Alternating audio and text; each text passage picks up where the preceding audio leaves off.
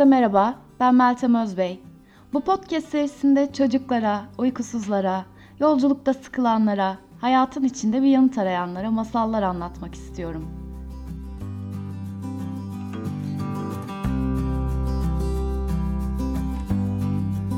Yapmaya değer olan, yanlış yapmaya da değer. Masalımızın adı Falcının Masalı. Genç Leyla ve Ahmet'in yoksullukları kadar büyük olan tek bir şey vardı. O da birbirlerine duydukları aşk. Çaylarını tatlandıracak şeker yoktu evde. Balsa hiç bulunmamıştı. Ama birbirlerine bakışları çayları şerbetten tatlı yapmaya yeterdi.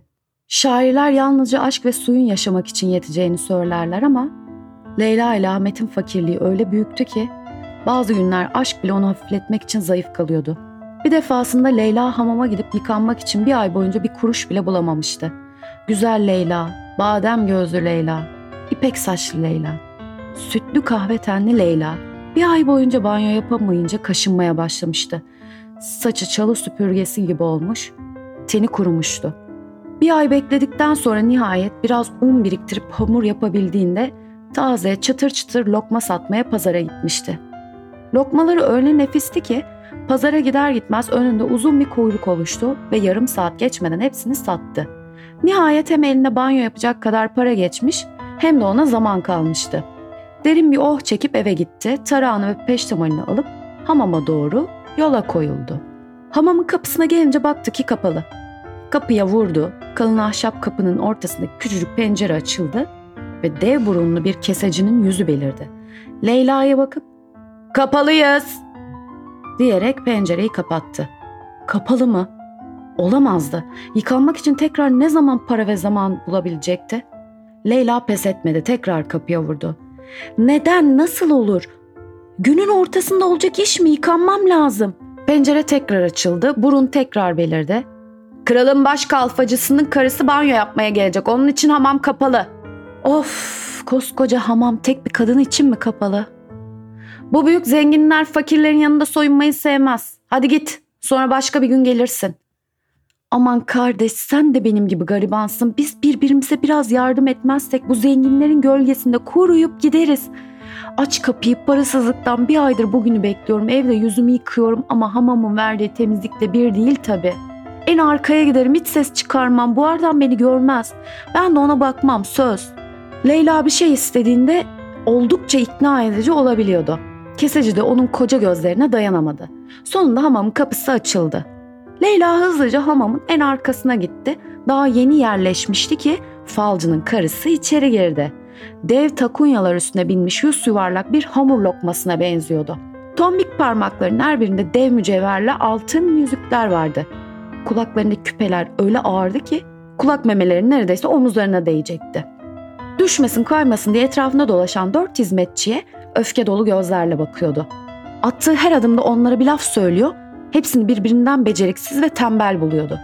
Leyla şaşkınlıkla bu nefret dolu huysuz kadını seyredip içinden Allah'ım böyle insanlara bu kadar altın veriyorsun ama benim saf kalpli kocamı aç bırakıyorsun. Bu nasıl denge, nasıl adalet? Biz de zengin olma yoluna adım atsak, onları desteklediğin kadar bizi de destekler misin? dedi. Ve bu soruyu sorar sormaz içinde büyük bir ümit doğdu. Evet bu kadından ne eksiği vardı ki? O an aklına bir fikir geldi öyle güzel bir fikirdi ki yıkanmak için bir daha bir ay beklemek zorunda kalmayacağını hissetti. Akşam kocası eve gelince ona gururla yeni fikrini söyledi. Ahmet artık hamal değil de falcı olacağını duyunca gülmeye başladı. Ah canımın içi. Bugün acaba hamamda sıcak çarpmış olabilir mi seni? Ben nasıl falcı olurum ki? Evet onlar iyi para kazanırlar ama dolandırıcıların da kafası kesilir. Ben fal işinden anlamam. Ama Leyla öyle kolay vazgeçmezdi. Söyledikleri Ahmet'in bir kulağından girip ötekinden çıksa da Leyla gözlerini büyütüp alt dudağını titreterek Kocacığım beni seviyorsan böyle fakir yaşamamı neden istersin? Ben de biraz rahatlık, biraz güzellik hak etmiyor muyum? dedi. İş sadece hak etmek olsa ben seni altın yaldızlı ipeklere sararım, kristal saraylarda yaşatırım ama ne mümkün. Leyla'nın beklediği an gelmişti. Hemen atıldı. O zaman kocacığım benim için en azından dele. İlle de başar demiyorum. Olmuyorsa olmasın. Ama bir hafta boyunca kendi bu yeni işe tamamen adayacağına söz ver. Bu sürenin sonunda bu iş bize bir kuruş bile getirmezse o zaman ben de ikna olurum.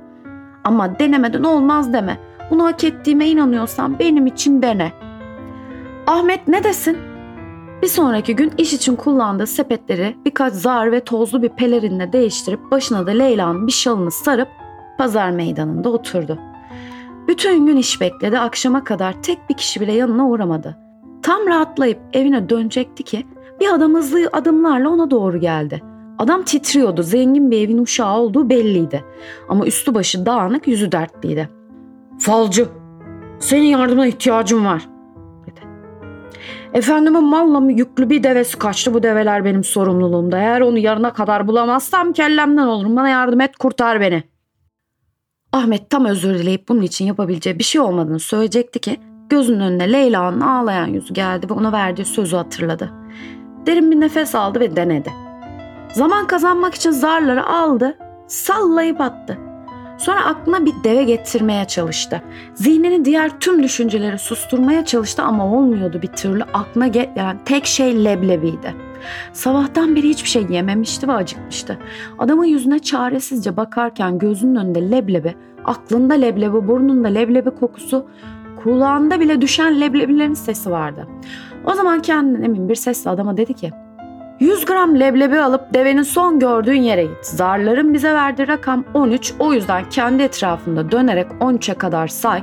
Durduğun yönden başlayarak leblebileri teker teker yere at. Her leblebinin yuvarlandığı yere kadar yürü ve orada bir leblebi daha at. Bütün leblebiler bitince dümdüz yürümeye devam et. Deveni o yolda bulacaksın. Uşağın gözleri fal taşı gibi açılmıştı. Ahmet'e sarılıp teşekkür etti dediklerini eksiksiz yapmaya giderken de Ahmet'e bir altın para atarak deveyi bulursa ona bir altın daha vereceğine söz verdi. Ahmet akşam eve gittiğinde Leyla heyecanla onu bekliyordu. Yeni işinin nasıl geçtiğini merak ediyordu. Ahmet ona altını verip bir daha böyle bir iş yapmak istemediğini, bu işten anlamadığını, çok riskli olduğunu, az iş geldiğini, zamanını başka işlerde daha iyi kullanabileceğini söyledi. Ama hiçbir şey Leyla'yı ikna edemedi. Bir altın Kocacığım elimize hiç bu kadar çok para geçmemişti. Eğer ilk gününde işi bilmemene ve tek müşteri gelmesine rağmen bu kadar para kazanabildiysen o zaman düşün. İşinde ustalaşınca neler olacak? Bir sonraki gün Ahmet tekrar falcı olarak pazar meydanına döndü. Gelir gelmez önceki gün gelen uşak heyecanla ona koştu. Ey Bilge dün hayatımı kurtardın.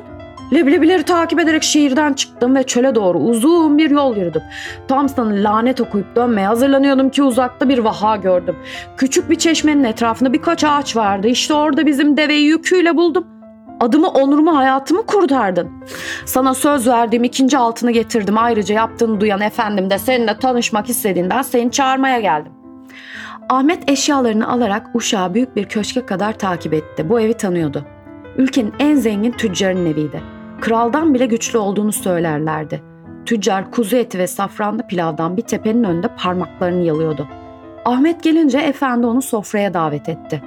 Ahmet hayatında yediği en lezzetli etin tadına baktığı yemekler ağzının içinde resmen eriyordu. Sonradan bu yumuşacık kuzu etinin beynini yumuşatmış olduğunu düşündü. Yoksa tüccarın daimi falcısı olmayı nasıl kabul ederdi? Artık Ahmet'in eve her ay 10 altın getirebileceği bir işi vardı. Leyla'nın sevinçten uçacağını biliyordu ama Ahmet bu işe pek sevinemiyordu. Aklına takılan iki konu vardı. Birincisi Ahmet'in şansı sadece bir kere yaver gitmiş, bir sahtekar olduğunu anladığında tüccarın onu asmasından korkuyordu. İkincisi ise karısının haklı olduğunu kabul etmek zorunda kalmaktı. Akşam Leyla'ya durumu anlatınca beklediği oldu ve tabii ki sevdiği kadının sevincini gören Ahmet bir akşam için endişeleri askıya alıp tok karınla neşeli bir evde uyumanın keyfine teslim oldu. O günden sonra Ahmet her gün yeni falcı kıyafetlerini giyip tüccarın evine gitmeye başladı. Günler sakin geçiyor, her gün falcıya ihtiyaç duyulmuyordu. Çoğu zaman koridorlarda gezinip evin içinde kaybolan eşyaların yerlerini tespit edebilmek için gözünü dört açması yetiyordu. Buna rağmen Ahmet'in kafasındaki kara bulut gitmiyordu. Ya sahtekarlığı fark edilirse? Haftalar, aylar geçmişti. Bir sabah Ahmet köşkün kapısına gelince bir terslik olduğunu fark etti. Efendi bomboş köşkün içinde onu bekliyordu. Yerlerdeki ipek kilimlerden tavana asılı kristal avizelere kadar köşkün bütün değerli eşyaları yok olmuştu. Gece hırsızlar gelip köşkü tepeden tırnağa yatak odasından hazineye kadar soymuşlardı. Ahmet gelir gelmez tüccar işte Ahmet kendini ispatlaman için beklediğim fırsat geldi dedi. Bu hırsızlar senin ününü duymamış olmalılar. Bilseler de böyle bir işe girişmezlerdi. Bu onların son işi olacak. Bu hırsızların yerini bul, hazinem nerede söyle. Onları bu evin önünde asacağım. Ahmet'in korktuğu gün gelmişti. Bu işin çok büyük olduğunu ve çok güç gerektireceğini söyleyip efendiden 40 gün isteyerek eve koştu. Evde durumu Leyla'ya anlattı. Korkusundan tir tir titriyordu. Şimdi ne yapacağım karıcığım? Yaşayacak 40 günüm kaldı. Leyla kocasına sarıldı. Benim sana inandığım kadar sen de kendine inansan hiç korkmazsın. Şu ana kadar her şey yolunda gitti. Öyle olmaya da devam edecek. Leyla sakin bir gülümsemeyle bir tencerede kırk hurma saydı ve tencereyi kocasına uzattı. Bak, her akşam ezan sesini duyunca bir hurma ye. Bu kırk hurma bitmeden önce bir çare bulunur. Ahmet güldü. Şimdi de sen bana falcılık yapıyorsun? Kocacığım aşk için başladığım bu işten sadece iyi bir şey gelebileceğine güveniyorum. Zihnini sustur, içinden gelecek olan ilhamı ancak o zaman duyarsın. O anda ezan sesi duyuldu. Ahmet, eh peki o zaman. Bak hiçbir şey düşünmüyorum ve bu kırkın birincisi. Deyip yediği ilk kurmanın çekirdeğini bir tasa attı. Şimdi Ahmet'i burada bırakalım ve evi soyan kırk karamiden haber verelim. Tüccarın evini soyan kırk karaminin bu planı hazırlamaları tam bir sene sürmüştü.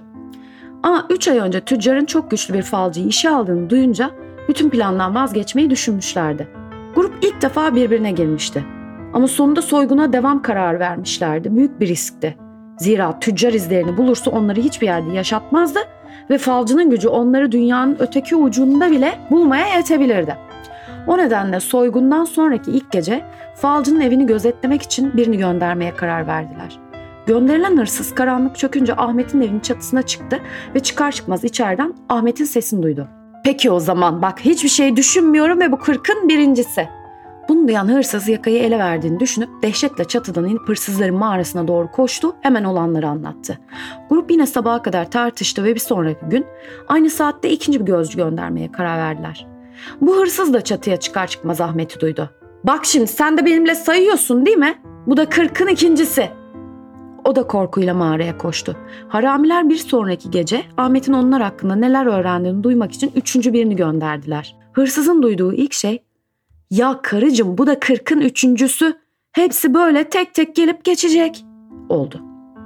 Haramiler böylece devam ettiler. Her gece başka bir hırsız akşamüstü ezan saatinde orada olduğundan ve bu saat Ahmet'in hurmayla kalan günlerini saydığı ana denk geldiğinden onun kendilerinden bahsettiğine artık kesin ikna olmuşlardı.